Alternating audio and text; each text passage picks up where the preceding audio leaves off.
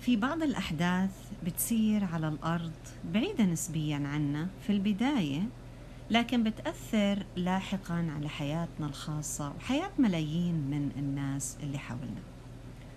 حرب بين بلدين وإحنا بنعيش في بلد ثالث يمكن حتى ما يكون مجاور إلهم قد تؤثر علينا نتائج هاي الحرب وتغير من حياتنا لدرجة بحياتنا ما تخيلناها أول ما نشبت هاي الحرب. بيقولوا العالم أصبح قرية صغيرة بكل معنى الكلمة وبكل الأبعاد اللي ممكن نتخيلها. خبر سياسي في مكان بعيد عنا قد يكون خبر عام. قد يحدث تغييرات شخصية في نفسنا وفي بيتنا ومع أفراد أسرتنا. طب هل بينفع العكس؟ هل بينفع اللي أنا بصير فيه على الصعيد الشخصي يأثر على العالم؟ هذا كتير صعب لكن وعينا باللي عم بيصير حوالينا هذا رح يحدث فرق كبير في تعاملنا مع هاي الأحداث بدأت سورة الروم بإعطاء المسلمين في ذلك الوقت نتيجة عن آه، حرب آه، بين أقوى إمبراطوريتين في العالم بهذاك الوقت اللي هم الروم والفرس طبعا حدثت في مكان كتير بعيد عن وسط الجزيرة العربية طيب ليش؟ إيش أهمية هذا الخبر؟ ليش يفرح المؤمنين أو يحزنوا بأي شيء والأمر بعيد تماما عنهم إحنا لو شفنا هذا الشيء عم بيصير على الأرض هلأ كان قلنا اللهم أهلك الظالمين بالظالمين وأخرجنا من بينهم سالمين. وإحنا مالنا. ليش نفرح أو نزعل على شيء ما بخصنا؟ لكن لما القرآن ذكر هذا الشيء في آياته اللي محفوظة معناته الإنسان لازم يدور ويشوف يا ترى ليش؟ إيش الفائدة من ذكر هذا الخبر؟ عشان نقدر نفهم السورة من خلال الخبر الرئيسي فيها. يمكن لأن الله سبحانه وتعالى عم بيتحدث مع همم عالية كتير آه، في خطة آه، محكمة لناس ممكن إنهم يغيروا الأرض. ناس ربنا خبرهم إنكم أنتم خلفاء الله سبحانه وتعالى على هاي الأرض. يمكن هاي الحرب المتواصلة بين أقوى إمبراطوريتين في العالم وتناوب هذا النصر والخسارة ما بينهم. هذا ممكن يؤدي إلى إنهاك واستنزاف القوتين معا. معناها ممكن هذا الخبر يكون بمهد لظهور قوة ثالثة جديدة. إحنا وين هلأ بالمؤشر الزمني؟ آه إحنا في أواخر المرحلة المكية. وعمليا كانت هجرة المسلمين التدريجية بدأت غالبا في هاي الفترة. كأنه سورة الروم عم بتذكرنا بدورة حياة الدول والمجتمعات. بتشبهها بدورة حياة الإنسان. نمو بعدين قوة بعدين ضعف بعدين انهيار. عشان هيك بسورة الروم رب العالمين بأمرنا أنه أولم يسيروا في الأرض فينظروا كيف كان عاقبة الذين من قبلهم. كانوا أشد منهم قوة وأثاروا الأرض وعمروها أكثر مما عمروها. وجاءتهم رسلهم بالبينات فما كان الله ليظلمهم ولكن كانوا أنفسهم يظلمون. بعدين ربنا بقولنا ثم كان عاقبة الذين أساءوا السوء أن كذبوا بآيات الله وكانوا بها يستهزئون. آه ويربطها ب الله يبدأ الخلق ثم يعيده ثم إليه ترجعون. شايفين كيف إحنا عم نقدر نفهم سورة الروم؟ من خلال الجو العام ومن خلال البداية القوية اللي رب العالمين آه، بدأها حمسنا آه، صرنا نتساءل طيب ليه رب العالمين بدأ بهاي البداية؟ وإيش دخل الوضع السياسي؟ آه، إيش دخلنا بالروم والفرس؟ هلأ قادرين إنه إحنا نربط الحلقات مع بعض. حتى آية يخرج الحي من الميت ويخرج الميت من الحي ويحيي الأرض بعد موتها وكذلك تخرجون. ومن آياته أن خلقكم من تراب ثم إذا أنتم بشر تنتشرون. صرنا نفهمها بطريقة مختلفة. نفهمها بوحي حياة المجتمعات ونهايتها. والسنن اللي بتتحكم فيها مثل ما بتتحكم بدورة حياة الإنسان. حتى كلمة عمروها آه هاي هذا اللفظ آه يعني طبعا المقصود فيه عمر الأرض لم يرد في مكان آخر غير بسورة الروم في القرآن. ورد لفظ استعمركم بسورة هود لكن الإعمار كإعمار للأرض آه ونسبته للبشر كانت في هذه السورة. في الآيات اللي قرأناها قبل قليل أولم يسيروا في الأرض فينظروا كيف كان عاقبة الذين من قبلهم؟ بنلاحظ أنه فيها هيك صيغة تنافس وهذا بذكرنا بمعايير المنافسة والقوة بين الدول. تنافس على القوة الحربية والعسكرية وأيضا تنافس على إعمار الأرض. هلأ بعد ما تفوز بلد بحرب بصير في اندماج بين الأعراق والثقافات. وهذا بخلينا نفهم الآية ومن آياته أن خلق لكم من أنفسكم أزواجا لتسكنوا إليها وجعل بينكم مودة ورحمة. إن في ذلك لآيات لقوم يتفكرون. إيش بتفكروا؟ بتفكروا بهالآية اللي هي انفتاح الناس على بعض على اختلاف الثقافات واختلاف الأعراق اللي بينهم. آه والله سبحانه وتعالى اعتبرها آية من آيات خلقه. يعني علينا أنه إحنا نحتفل باختلافنا عن بعضنا البعض وبالعكس نحاول أنه نأصل المودة والرحمة ما بيننا. مش نحاول نغلب عرق على آخر ونخلي هدول أسياد هدول أو إنه هدول ما كانش مفروض يكونوا موجودين أو نلغي أعراق معينة بالعكس. ومع الإعمار للأرض أكيد حيكون في ناس إلهم أهداف مختلفة اللي هي الفساد. وهون عندي الآية الشهيرة ظهر الفساد في البر والبحر بما كسبت أيدي الناس. ليش؟ ليه عم بيظهر هذا الفساد ليذيقهم بعض الذي عملوا لعلهم يرجعون؟ هل هو يا ترى الظلم؟ هل هو الاستعباد؟ هل هو آه الإسراف والبذخ على حساب أمم تانية؟ هل هي الرؤية المادية البحتة للحياة الدنيا اللي بس الإنسان بده ياخد منها أكثر وأكثر وكأنه عم يشرب مي مالحة فيزداد تعطش من اقتناء الدنيا؟ وقد حذرنا الله سبحانه وتعالى من هذا وقال يعلمون ظاهرا من الحياة الدنيا وهم عن الآخرة هم غافلون. قديه هدول الناس دائما بيحاولوا أنهم يتوسعوا في علومهم الدنيوية لكن ليس لهم من الآخرة نصيب. بل هم غافلين أنه هذه الحياة الدنيا ستنتهي وحيتيجي الحياة الآخرة الدائمة. وبهذا الله سبحانه وتعالى يعني يذكر للرسول صلى الله عليه وسلم مقومات النصر مقومات الصبر والثبات. فيقول له فأقم وجهك للدين حنيفا فطرة الله التي فطر الناس عليها. لا تبديل لخلق الله ذلك الدين القيم ولكن أكثر الناس لا يعلمون. مثل ما نتحدث عن مجتمعات ذكرت السورة اللي بعدها الأفراد وذكرت لقمان. والحقيقة أنه يعني سور القرآن بنلاحظ أنها حملت أسماء أنبياء في عناوينها. ما عدا سورتين سورة مريم وإحنا أكيد بنعرف ليش لأنها يعني كانت صديقة آه و آه يعني مريم عليها السلام ربت نبي من أولي العزم من الرسل. إلا أنه آه اسم لقمان يعني لما نشوفه موجود في عناوين السور بخلينا الحقيقة نتوقف. وكأنها رسالة من الله عز وجل بده يقولنا إنه كل إنسان ممكن إنه يصل إلى أن يخلد ذكره على هذه الأرض.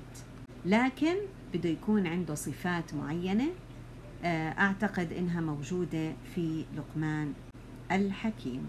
لقمان ما كان فاتح ولا عادل ولا مصلح ولا قائد ولكن حصل على هاي المكانة لأنه عابد أو زاهد أو بسبب فعل الخير. يمكن كل هاي الأشياء لكن إحنا ما بنعرف لأنه القرآن لم يذكرها عنه لكن ذكر شيء مختلف. يعني هو إيش كان لقمان؟ كيف عرفنا عليه القرآن؟ كان مربي وهذا الإشي واضح جدا على الأقل يعني من خلال نصائحه ووصاياه لابنه. يعني بس هو يعني لأنه كان مربي يعني القرآن ذكره. إحنا أكيد رح نستغرب من هذا الكلام لأنه إحنا عندنا هلأ في هذا الزمن مش بس الرجل إذا كان مربي يعني آه، يعني معناته هو ما بيعمل شيء حتى المرأة المرأة اللي هي يعني أكرم الأعمال اللي ممكن إنها تعملها إنها تربي الأجيال صرنا نلاحظ إنها شيء يعني بقلل من قيمة المرأة لأنه مفهومنا عن التربية اختلف. آه، صرنا نفكر إنه التربية هي محصورة ب آه، والتغسيل وتنظيف البيت وعمل الغسيل وأخذهم وأوصلهم على المدرسة أو على الأنشطة تبعتهم وبس خلص. آه، فلذلك صرنا نحس إنه شو يعني تربية؟ أنا المفروض إني أكون امرأة عاملة المفروض أطلع برا المفروض أكون منتجة.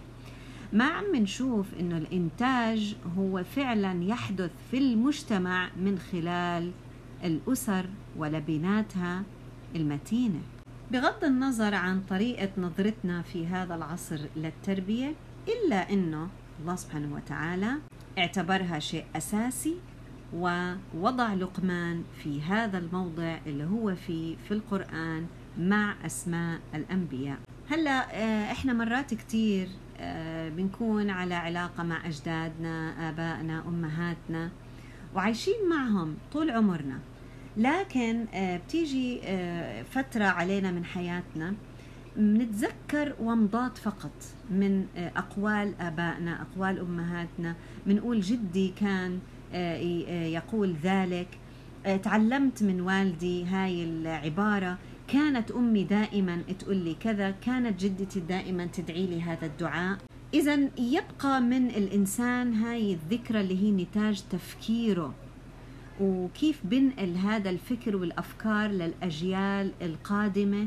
بشكل آه، سريع مختزل آه، لكن بحافظ على معاني كتير عميقة بداخله. وهاي هي الحكمة. يعني الحكمة أمر ظاهر في هاي السورة وصف فيها الله الكتاب تلك آيات الكتاب الحكيم.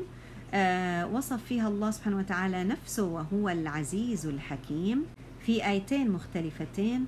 وبعدين في آه لقمان ولقد آتينا لقمان الحكمة. أربع آيات من أصل 34 آية اللي هي عدد آيات السورة ببين لي إنه الحكمة مصدرها هو الله عز وجل.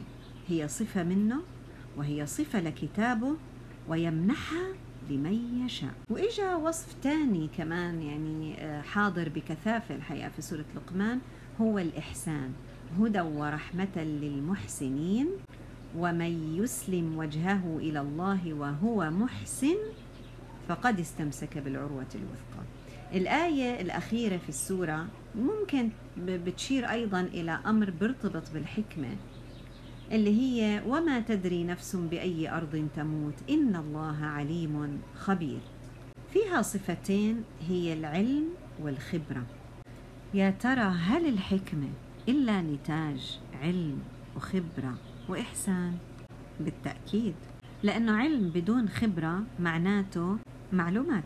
علم مع خبرة قدرة وتمكن. لكن بدون البوصلة اللي بتوجهني للاتجاه الصحيح آه، اللي هي الإحسان آه، ما بنقدر نوصل لهاي الحكمة. ولما نكون إحنا عم نحكي عن تربية معناته أكيد ما بنقدر نتجاهل حضور الأبوة والعلاقة بين الأبناء ووالديهم في سورة لقمان. وكأنه هاي الحكمة هي عصير الخبرة كلها اللي بينقلها الآباء إلى أبنائهم. لأنه إحنا كآباء إذا ما قدرنا ننقل الخبرة اللي إحنا تعلمناها لأبنائنا حتى يبنوا عليها بنحس حالنا كأنه إحنا ضيعنا اللي إحنا حققناه طول فترة حياتنا. إلا إنه في نوعين من الآباء. مش كل الآباء لازم نتبعهم بالضرورة لكن بنفس الوقت مش كل الآباء لازم نتجاهل اللي بيقولوه. ويمكن في أيامنا هاي للأسف مش كل الآباء بيحسنوا لغة العصر. والحقيقة إحنا لازم نبذل مجهود حتى نتعلم اللغة اللي أولادنا عم يتحدثوها واللغة اللي بيفهموها عشان نقدر ننقل عصارة حكمتنا وخبرتنا إلهم.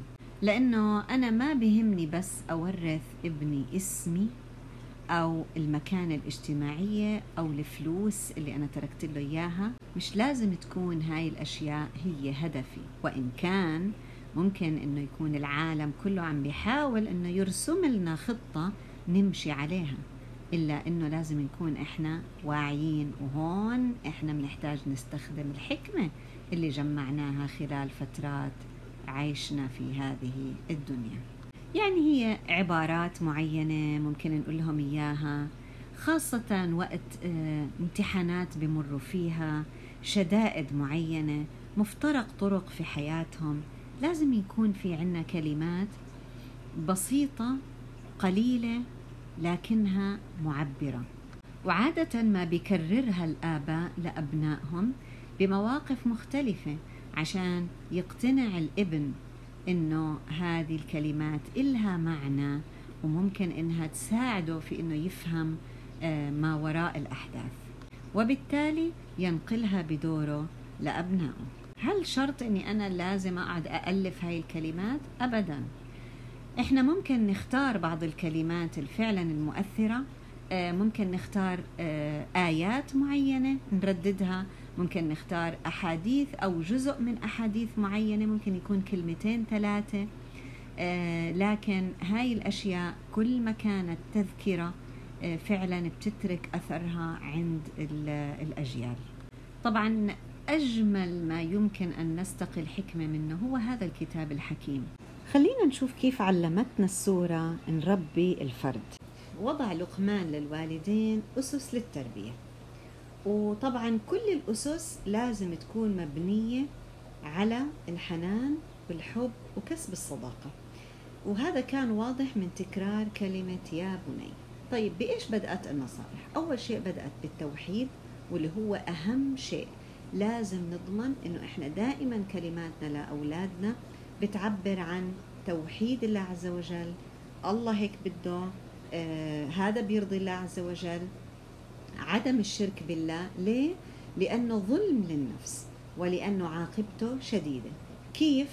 طبعا وارجعهم الله سبحانه وتعالى عظمة الله في الكون وإتقان إبداعه في هذا الكون مما يوجب علينا شكره. يعني كيف إحنا بدنا إياهم يعظموا الله عز وجل؟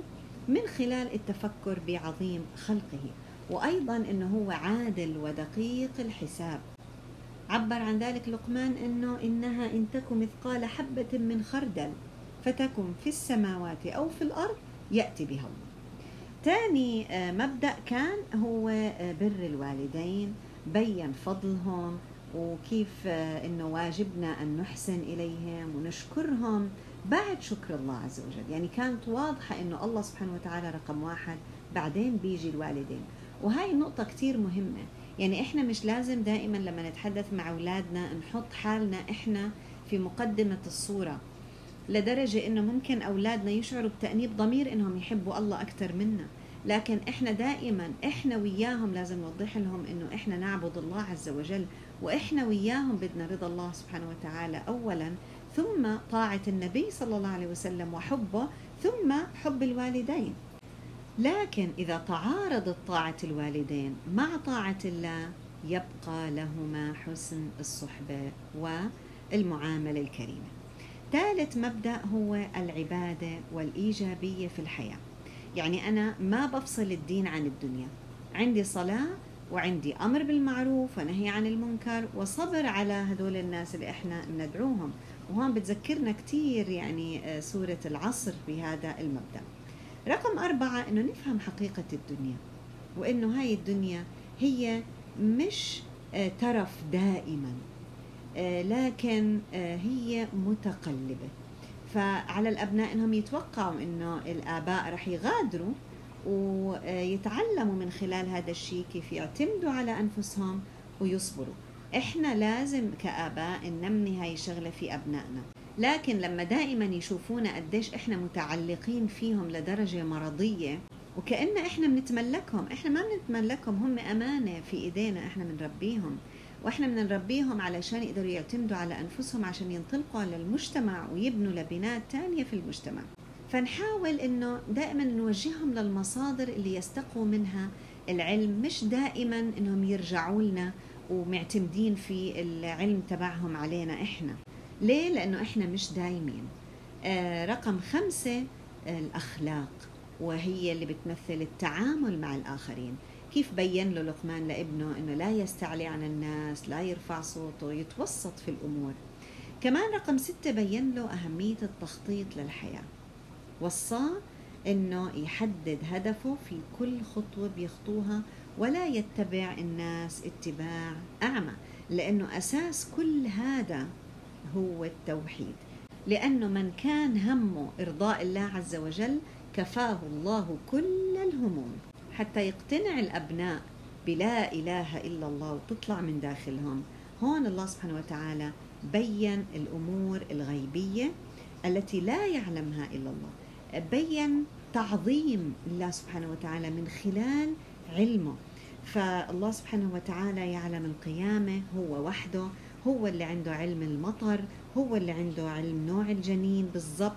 مع إنه عندنا صار التقدم العلمي وصرنا نعرف يعني ما ما في الأرحام لكن إحنا بنعرف جنس المولود فقط لا غير. هل إحنا بنعرف شقي أم سعيد؟ هل إحنا بنعرف رزقه؟ هل إحنا بنعرف رح ينولد قديش رح يعيش وإمتى رح يموت؟ هاي كلها أشياء بعلم الغيب عند الله عز وجل. مكان الموت وقت الموت مستقبل هذا الإنسان كله بيد الله عز وجل. وأيضا دعت السورة للتقوى. منلاحظ إنها بدأت بذكر أوصاف المفلحين في اليوم الآخر وختمت بالأمر بالتقوى والخوف من اليوم الآخر. ليه؟ لأنه رأس الحكمة في مخافة الله عز وجل والعمل لليوم الآخر.